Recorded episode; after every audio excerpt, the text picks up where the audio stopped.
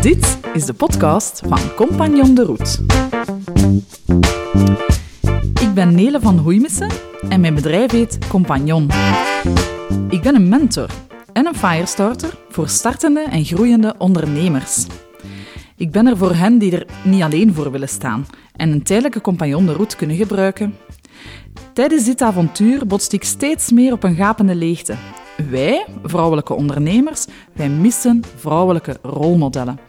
Voorbeelden. Dames die de lat echt hoog leggen en die ook halen. Echte onderneemsters die inkijk durven geven. In hun flaws en in hun wins. Vrouwen die overdag hun spierballen laten rollen in hun eigen bedrijf en s'avonds ook nog eens een rol thuis opnemen. Wie zijn ze en waar zitten ze? En wat drijft hen? Ik wil de spotlights op hen richten, zodat we er allemaal troost uit kunnen putten. Oef, we staan er niet alleen voor. En daarom deze podcast. Daarvoor heb ik zelf een compagnon de gezocht en gevonden, en dat is Tine de Donder. Geniet ervan. Ja, dankjewel Nele. Fijn dat ik jouw gastvrouw mag zijn, dat ik voor jou deze podcast mag maken. En het leek ons dan ook maar logisch dat we eerst jou een beetje beter leren kennen. Dus ik ga in deze eerste aflevering gewoon jou eens interviewen. We gaan ervoor kiezen om geen lange introducties te voorzien bij de interviews, maar wel een heel korte maar krachtige voorstellingsronde. Hier komt ie. Naam, Nele van Hoeimissen, leeftijd, 42 jaar. burgerlijke staat, ben samenwonend en moeder van drie jongens. naam van je bedrijf, Compagnon. wat doet je bedrijf, Ik ben een mentor. waar ben je op dit moment mee bezig? Met het opstarten van deze podcast. En ik begeleid eh, momenteel 25 mentees bij het nemen van een grote stap in hun onderneming. Dag Nele. Mijn eerste vraag. Hoe tevreden ben jij op dit ogenblik met jezelf, met je leven als onderneemster op een schaal van 1 tot 10? Ik denk een 8. Mhm, waarom? Ik ben eigenlijk wel tevreden. Ehm, op dit moment, ik heb het gevoel dat ik een bedrijf heb gebouwd dat wel flink ehm, bij mij past. Ik, ehm, ik vind er mijn draai in, er zitten veel activiteiten in die ik heel graag doe, waar, dat ik, waar ik het gevoel heb, ik ben daar goed in. Ehm, dus ja, een 8 op 10, ik ben eigenlijk super tevreden. Waarom dan geen 9 of 10 is in mijn geval, ik heb altijd dezelfde grote uitdaging en dat is dat ik... eh, moet leren ontspannen of leren eh, een keer stop zeggen op tijd. Ehm, dus dat zijn dingen die mij absoluut altijd zullen bezighouden en waarom dat ik eh, kies voor een 8. Mhm, maar een 8 is wel een mooie Ja, score. absoluut. nu, je bent al heel wat jaren ondernemer. Wat vond jij zelf het moeilijkste moment uit jouw carrière? Oh ja, dat is, dat is eh, zeer gemakkelijk voor mij om, om terug aan te denken. Het is nog niet zo lang geleden. Het moeilijkste moment uit mijn carrière was de stopzetting van mijn vorige bedrijf. Eh, ik had een webwinkel 13 jaar lang, Pepatino. En ik heb die stopgezet ehm, omdat ik zelf in een persoonlijke burn-out was gesukkeld. Maar ook omdat de sector super moeilijk was geworden voor mij. Maar het moment om, om te kiezen voor jezelf en daarvan de gevolgen te dragen, zijnde dat je vijf mensen op straat zet, eh, waaronder mijn mama van 62 jaar, dat was super moeilijk. Je kan wel voor jezelf kiezen en weten van hier stopt het of hier moet het stoppen, maar de implicaties op andere mensen, oh, dat, vond ik, eh, dat vond ik vreselijk. Ja. Dus een heel moeilijke beslissing geweest, maar achteraf bekeken ook de allerbeste. De moeilijkste beslissing, beslissing uit mijn leven, maar ook de allerbeste. Dus soms gaat het hand in hand. Hè. Ja, en waarom was het dan toch een goede beslissing? Omdat het zo was. Het retail is, ik zou nu nog altijd niet de mondjes willen voeden die eh, het moeilijk hebben eh, in de retailsector. Ehm, retail is een hele moeilijke sector geworden voor mij. En ik denk ook dat het bedrijf echt niet meer bij mij paste. Maar ik kreeg het, het was niet meer wendbaar. Dus ik kreeg het niet meer eh, omgebogen tot iets dat wel nog bij mij zou passen. Ik geloof er ook in dat je soms een bepaalde, dat een bedrijf een bestaans, allee, een termijn kan hebben, hoe lang dat kan meegaan. En ik denk dat die bij mij bereikt was. Eh, ik had nood aan iets compleet anders, ook een, een heel andere uitdaging. En dat heb ik nu wel in mijn, eh, in mijn huidige bedrijf, maar dat vond ik niet meer in Pepatino. De sector was ook onleefbaar, dus ja, het was, eh, er waren verschillende redenen voor. Ik sliep niet meer, ik had superveel stress. Echt een gigantische burn-out gekregen, ehm, waardoor dat duidelijk was dat ik niet meer verder kon. Mhm. En ben je dan nu bang dat zoiets opnieuw zou kunnen gebeuren? Ja, ik, ik zei het al, hè, van ik, ehm, dat is altijd mijn uitdaging om, ehm, om te ontspannen genoeg. Dus die uitdaging, daar ben ik mij heel alert van. Maar dit, ik, ik ben ten allen tijde alert dat ik een wendbaar bedrijf houd. Dus dat ik niet... eh, ja, we hadden heel veel stok. Nu is het een heel, heel los bedrijf zonder grote stok of zonder grote dingen die je sowieso meesleept. Eh, en dat ga ik ten allen tijde houden. Dus daar ben ik, eh, ben ik wel zeker van. Mhm. Dus dat is een les die je geleerd hebt uit je vorige bedrijf? Ja, absoluut. Ja, en dat is ook, als het gaat over wat ik aan andere mensen aanraad, dan gaat het ook over hou je bedrijf wendbaar en zorg dat het goed bij jezelf blijft passen, want jij bent degene die het gaat moeten voort, eh, voortrekken. Hè. Dus dat is, dat is een les die ik geleerd heb uit, eh, ja, uit mijn eerste twaalf jaren. Ja.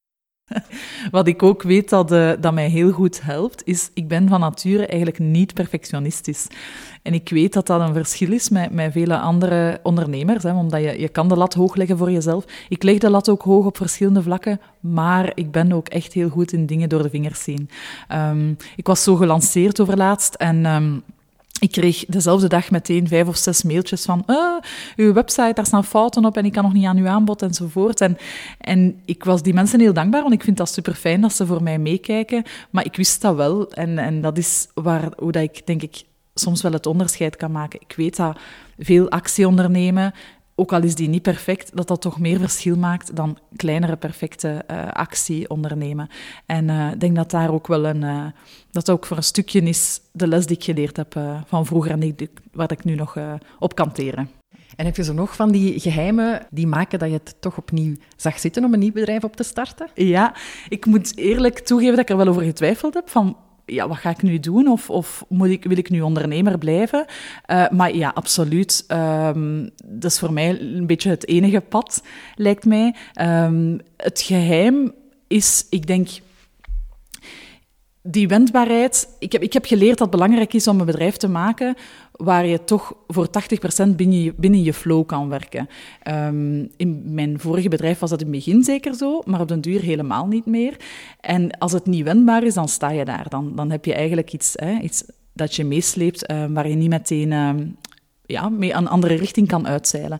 Op dit moment werk ik voor 70, 80 procent binnen mijn flow en dat wil ik ook zo houden. En dat is denk ik een deel van, uh, van, van waarom dat nu zo goed werkt. Ja. Ben jij eigenlijk in het algemeen iemand die heel zelfzeker is over je bedrijf? Ja, eigenlijk wel. Ja, eigenlijk wel. Over mijn bedrijf ben ik, kan ik heel zelfzeker zijn. Ja. Um, ik geloof ook dat mijn, mijn ouders, dat ik dat zelfvertrouwen van mijn ouders heb meegekregen. Um, zij, zij hebben me geleerd om. Om ener, ze, hebben mij heel hard losgelaten. Ik mocht quasi alles. En ze hebben mij heel veel laten falen. En um, ik voel dat ik, dat ik mocht mijn eigen verantwoordelijkheid dragen van jongs af aan. En ik voel dat ik daaruit iets heb, iets heb opgebouwd. Een zekere, een zeker zelfvertrouwen, een zekere um, zekerheid over als ik dit wil, dan, ga ik het ook, dan gaat het ook lukken. Um, en dat is wat ik nu ook heb, van ja, fijn, ik doe het graag, ik, ik kan mensen helpen. Ik voel er mij goed bij, ja. Je hebt dan geen last van het imposter-syndroom, oh, schrik om door de man te vallen? Oh, jawel. Ja, ja, toch wel. Ja, toch wel. Komt in andere varianten bij mij, in de zin van, dit is zo makkelijk voor mij, of ik, voor mij lukt dit zo vlot, om bijvoorbeeld in andermans bedrijf te zien waar de groeikansen zitten of de, of de problematische factoren zitten. Uh, en om, om mensen daarop te challengen kan ik daar dan wel geld voor vragen? Dat is mijn, dat is mijn variant van uh, imposter-syndroom. Uh, dus ik heb dat wel, maar ik heb wel geleerd om dat aapje dat op mijn schouder zit, uh, het zwijgen op te leggen. Zo'n angstig aapje, zo beeld ik mij dat altijd in, om te zeggen van jij gaat niet bepalen waar ik naartoe ga, dat bepaal ik zelf. Um, dus dat lukt mij wel, ja. En hoe heb je dat geleerd? Door in te zien dat um, dat, dat aapje niet gaat maken waar dat ik mij niet ga brengen waar ik terecht wil komen. Um, ik zie dat ook vaak rondom mij gebeuren, dat mensen beslissingen nemen gebaseerd op angst, maar dat hun dat weerhoudt van een, van een droomleven of van een leven waarin dat ze zich optimaal hè, waarmaken of, of vervullen, waar dat ze gelukkig in zijn, want dat, dat vind ik altijd het allerbelangrijkste. Maar um, dat ze zich daardoor laten weerhouden van de zekerheid, ik ga het niet kunnen, ben ik het wel waard? En dat is zo'n enorme zonde, zo'n pure zonde. Um, zelf heb ik ondervonden dat dat ondernemen altijd neerkomt op actie nemen, op, uh, op veel doen. Um, en veel doen impliceert ook heel veel tegen dat aapje op je schouder zeggen van... Nee, nee, uh, ja, ik ga niet vandaag naar u luisteren. Ik ga gewoon dingen gaan doen en, uh, en het verschil gaan maken. En door dat eigenlijk, in, en dat kon ik heel goed in mijn vorige bedrijf, heb ik heel vaak gemerkt je werd meteen beloond. Als je zo in een verkoopsituatie zit, waar je rechtstreeks de verkoop maakt eigenlijk, dan, um, dan is die link tussen actie nemen en resultaat heel klein. Hè. Die, die, dat resultaat is er heel snel. En dat heb ik geleerd en dan kan ik, daar voel ik dat ik nu mijn voordeel mee doe in, uh, in deze mentorpraktijk. -hmm. En als je zo eens terugblikt op al die jaren ervaring, um, wat was voor jou zo de grootste succeservaring? Ik heb getwijfeld, want ik heb er wel al een paar dat ik zo dacht van woehoe, of, of dat, dat ik zo waanzinnig content was. Maar de grootste is toch die van dit jaar nog maar, dus de meest recente. Ik heb een hele succesvolle lancering gedraaid, waarin ik al mijn mentorplekjes in één keer heb verkocht voor volgend jaar. En ik had de lat daar heel hoog gelegd, um, omdat ik zoiets had van, kijk, brood op de plank, ik wil een firestart nemen, ik wil ik wil het goed maken. Um, een beetje ook misschien waardoor dat ik... Ik was gestopt en ik wou zo nog eens bewijzen van... Ik kan het nog wel. Um, ik had de lat dus heel hoog gelegd. Ik heb er keihard voor gewerkt. Uh, ik heb mijn jongens drie weken niet gezien. Joris heeft quasi het ganse huishouden op zich genomen. Maar het is gelukt uh, en dat vond ik waanzinnig. Ja, ik, ik zeer blij mee. Uh, ook veel zelfvertrouwen gegeven. En dat was denk ik mijn grootste succeservaring. Ja, je had de lat heel hoog gelegd. Ja. Uh, waar denk je dat jij de durf haalt om zo'n groot spel te spelen? Voor een stukje wat ik, heb ik dat van thuis meegekregen. Um, zeker ook bewustzijn van en vandaar ook deze podcast voor een stuk, denk ik. Want het bewustzijn van, het is niet omdat je meisje bent dat je niet moogt eigenlijk mee gaan tellen, uh, bij wijze van spreken, op welke niveau of, of wat, dat je, wat dat je wil ook kan waarmaken. Dat heb ik van thuis zeker meegekregen. Um, en dat, dat, verklaart wel een groot stuk, denk ik, ja. Ik ben ook, ben ook een stier, ik ben echt ambitieus en, uh, en, en zo een beetje werkkracht. Dus ik heb zoiets van up, up, up, gaan en gaan. Dat, dat ritme heb ik fel in mij. Um, en ik denk die combinatie zo, dat dat maakt dat ik graag dat grote spel speel. Ja. Ik heb graag veel impact en dat, dat doet mij echt oprecht ook gewoon veel plezier. Nu, je bent ook mama van drie jongens. Ja. Hoe combineer je dat allemaal, die ambitie, met je privéleven? Wat is daar je geheim? Ja. Ik weet niet of dat je overlaatst die test in de morgen had gezien, waar je zo... Ja. Uh... ik heb slecht gescoord. Jij? Ja, dat, dat bracht het geheim direct aan de oppervlakte. Um, want wij zaten op een score van, ik denk, ik 53% en Joris 47%. En dat is dus wel een vergeleken met bijvoorbeeld mijn vriendinnen een groot, uh, allez, een, een, sterk evenwicht. Hè? Dus dat is mijn geheim. Ik moet daar eerlijk in zijn. Ik heb een partner die veel uh, op zich neemt ook. We zijn redelijk equivalent verdeeld. Maar goh, zo alle mogelijke maatregelen die je kunt nemen om een huishouden te laten runnen. Maaltijdboxen, um, heel veel door de vingers zien, uh, poetshulp. Um, ik ben daar niet beroerd in om te zeggen, ik, heb, ik, heb, ik, ik, zoek veel, langs vele kanten hulp om het beter te doen draaien. Um, dat, is een beetje, dat is een beetje de combinatie, denk ik zo. Joris die veel doet en, uh, en dan flink georganiseerd op vele vlakken. Veel hulp vragen. Ik heb ook een hele goede tip van mijn buurman gekregen ooit en die passen we nu elke dag toe. Dat is een reset kwartiertje. En het ganse gezin gaat op één kwartier door gans het huis en reset alles in de oorspronkelijke staat. En ik had dat van hem geleerd en dat werkt geniaal. Alle vijf, iedereen opruimen en een kwartier later ja, hebben we het allemaal weer, weet prettig en proper en plezant. Hè. Mm -hmm. En zijn er bepaalde dingen dat je zegt, dat doe ik niet, dat zie ik door de vingers, dat hoeft niet voor mij? Thuis dan? Um, veel, denk ik. Ja, zeg eens. Het hoeft niet altijd spik en span te liggen. Uh, voor mij. Beneden wel, in onze living waar we leven, uh, vind ik het belangrijk. Goh, maar ik, ga, ik heb echt wel aanrechten die soms blijven staan s'avonds en dat we niet meer beginnen aan, uh, aan de vaatwas nog vullen. Of, allee, ik, ik kan wel dingen door de vingers zien. Wasmannen die niet leeg geraken, dat is niet iets dat mij enorm frustreert. In het weekend of zo wel, dan, draai ik, dan trek ik bij, maar ik kan, er, ik kan er tegen dat het een tijdje wat minder ligt. Ja, daar moet ik, daar moet ik wel eerlijk in zijn. maar het helpt ook, hè, want ik, heb, ik, ik kan rustig in de zetel gaan uitrusten, bij wijze van spreken, zonder, uh, zonder stress te hebben van, ja, nu ligt dat hier niet helemaal uh, hoe dat ik het wil. Hè. Ja, het is nooit zo'n moment gekomen dat je denkt, ik stop ermee, dit is te veel. Die lounge bijvoorbeeld van de, de laatste bedrijf, in combinatie met die drie jongens en een huishouden. Ik heb dat, allez, in mijn vorig bedrijf heb ik dat misschien wel ja, echt 80, 100 keer gedacht van ik stop. Constant eigenlijk. Um, nu heb ik dat nog niet gehad. Um, want zo hard werken, dat schrikt mij niet af. Of dan, dan is dat te veel. Dan kan ik vloeken en dan, dan, dan, dan hebben we soms ruzie van... Eh, ja, je bent er toch nog minder dan dat je al had aangekondigd. Um, maar nee, ik weet, ik weet van plezier is te groot en, en we hebben daar goede afspraken over, dus nu denk ik dat niet. Maar vroeger heb ik dat constant gedacht, ja. ja, ja. -hmm. Dat klinkt alsof jij zaken wel goed op een rijtje hebt. Zijn er eigenlijk dingen uh, in je leven waarvan je op dit moment nog niet tevreden bent? Ja, ja zeker. Um, mijn gewicht, daar ben ik niet tevreden van. In combinatie met um, mijn uh, sportiviteit of mijn conditie is een ramp. Dus ik heb dat overgehouden uit die periode dat ik mij slecht in mijn vel voelde en weinig sliep. En dat is zo het laatste waarvan ik zeg, als dit nu nog in orde zal zijn, dan, um, dan loopt mijn, eigen, mijn leven eigenlijk wel op rolletjes. Ik voel mij gelukkig. Hè.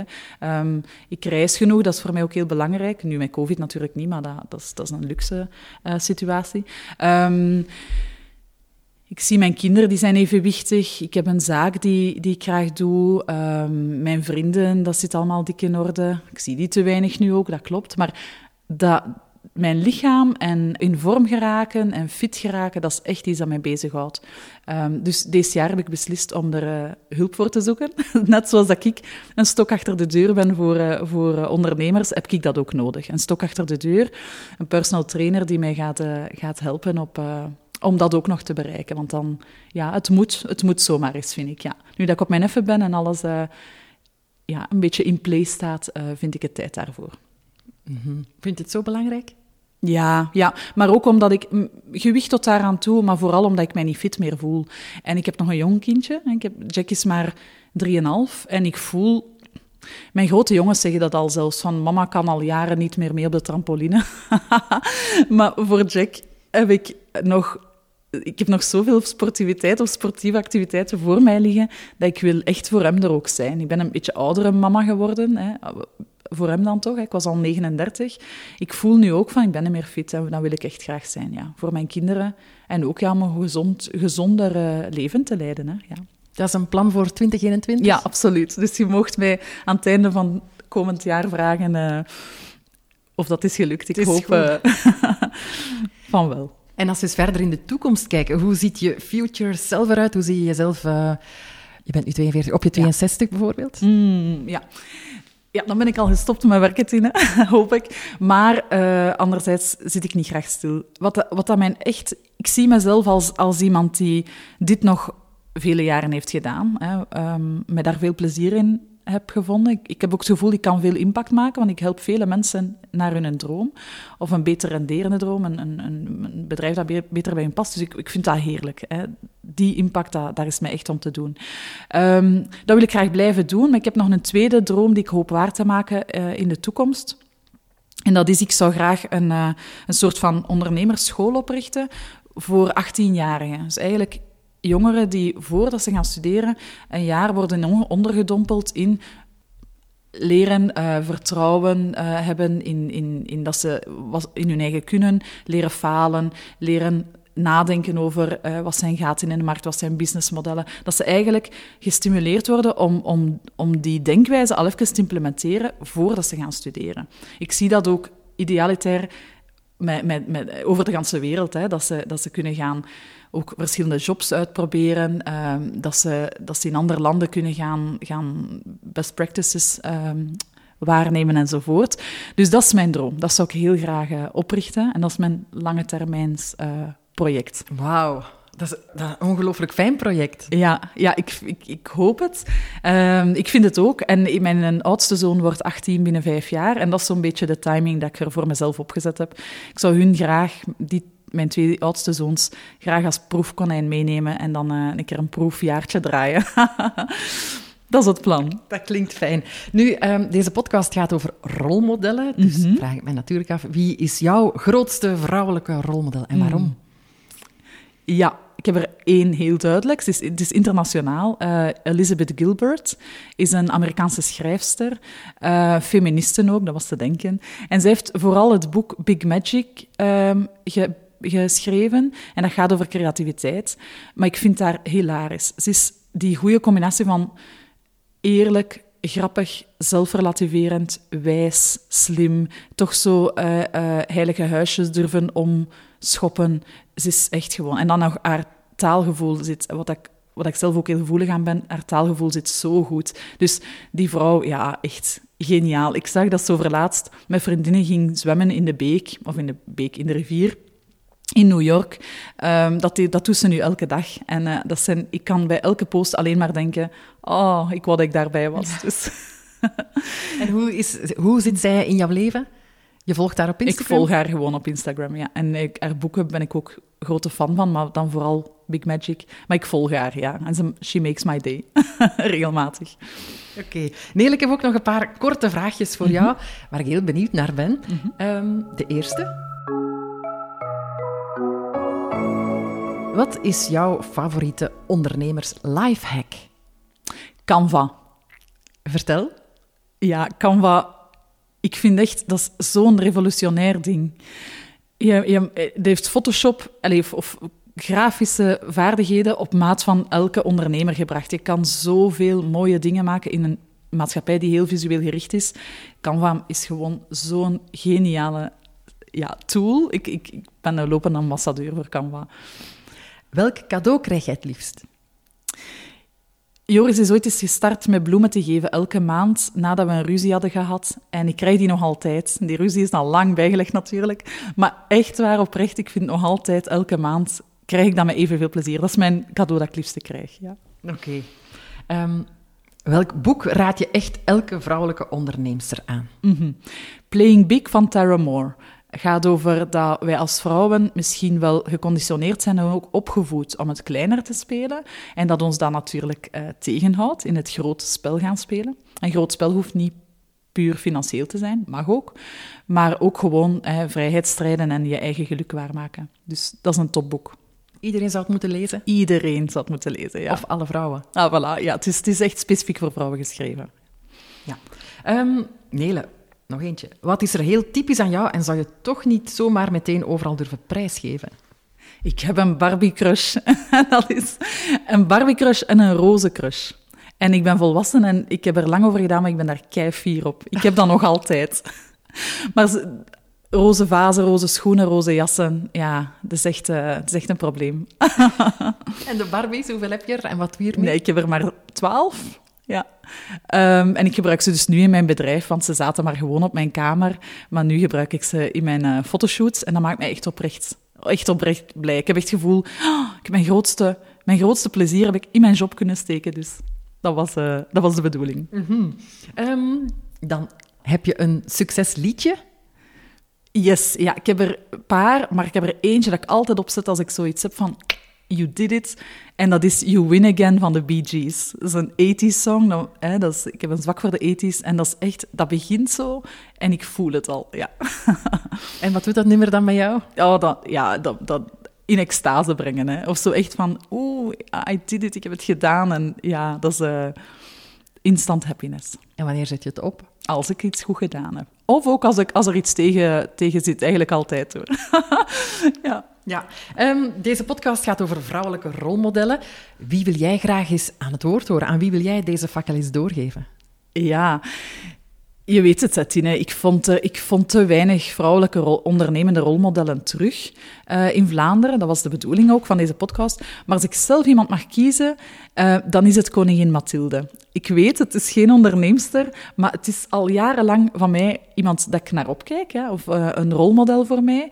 Ehm, is het nu omdat ze psycholoog is? Is het nu omdat ze een beetje ouder is dan mij maar? Enfin, ik vind... Je maakt mij ook niet wijs dat het makkelijk is, het leven dat zij leidt. Ehm, ze staat zo voor warmte, iets dat ik ook zelf heel belangrijk vind. Ehm, Ja, ik heb daar gewoon een, een eindeloos respect voor. Ik zou haar zeer graag in deze podcast uh, krijgen. en gaan we dat proberen? We gaan dat proberen, ja, absoluut. Afgesproken. Dankjewel Nele voor dit interview. Heel graag gedaan. Je luisterde naar de podcast van Compagnon. Vond je het een boeiend gesprek? Abonneer je dan op deze podcast en laat een review achter in de app waarmee je luistert. Hoe meer reviews, hoe meer mensen deze podcast kunnen vinden. En vertel het misschien door aan een vriendin, want iedereen kan toch rolmodellen gebruiken. Over twee weken is er een nieuwe podcast. Heel graag. Tot dan!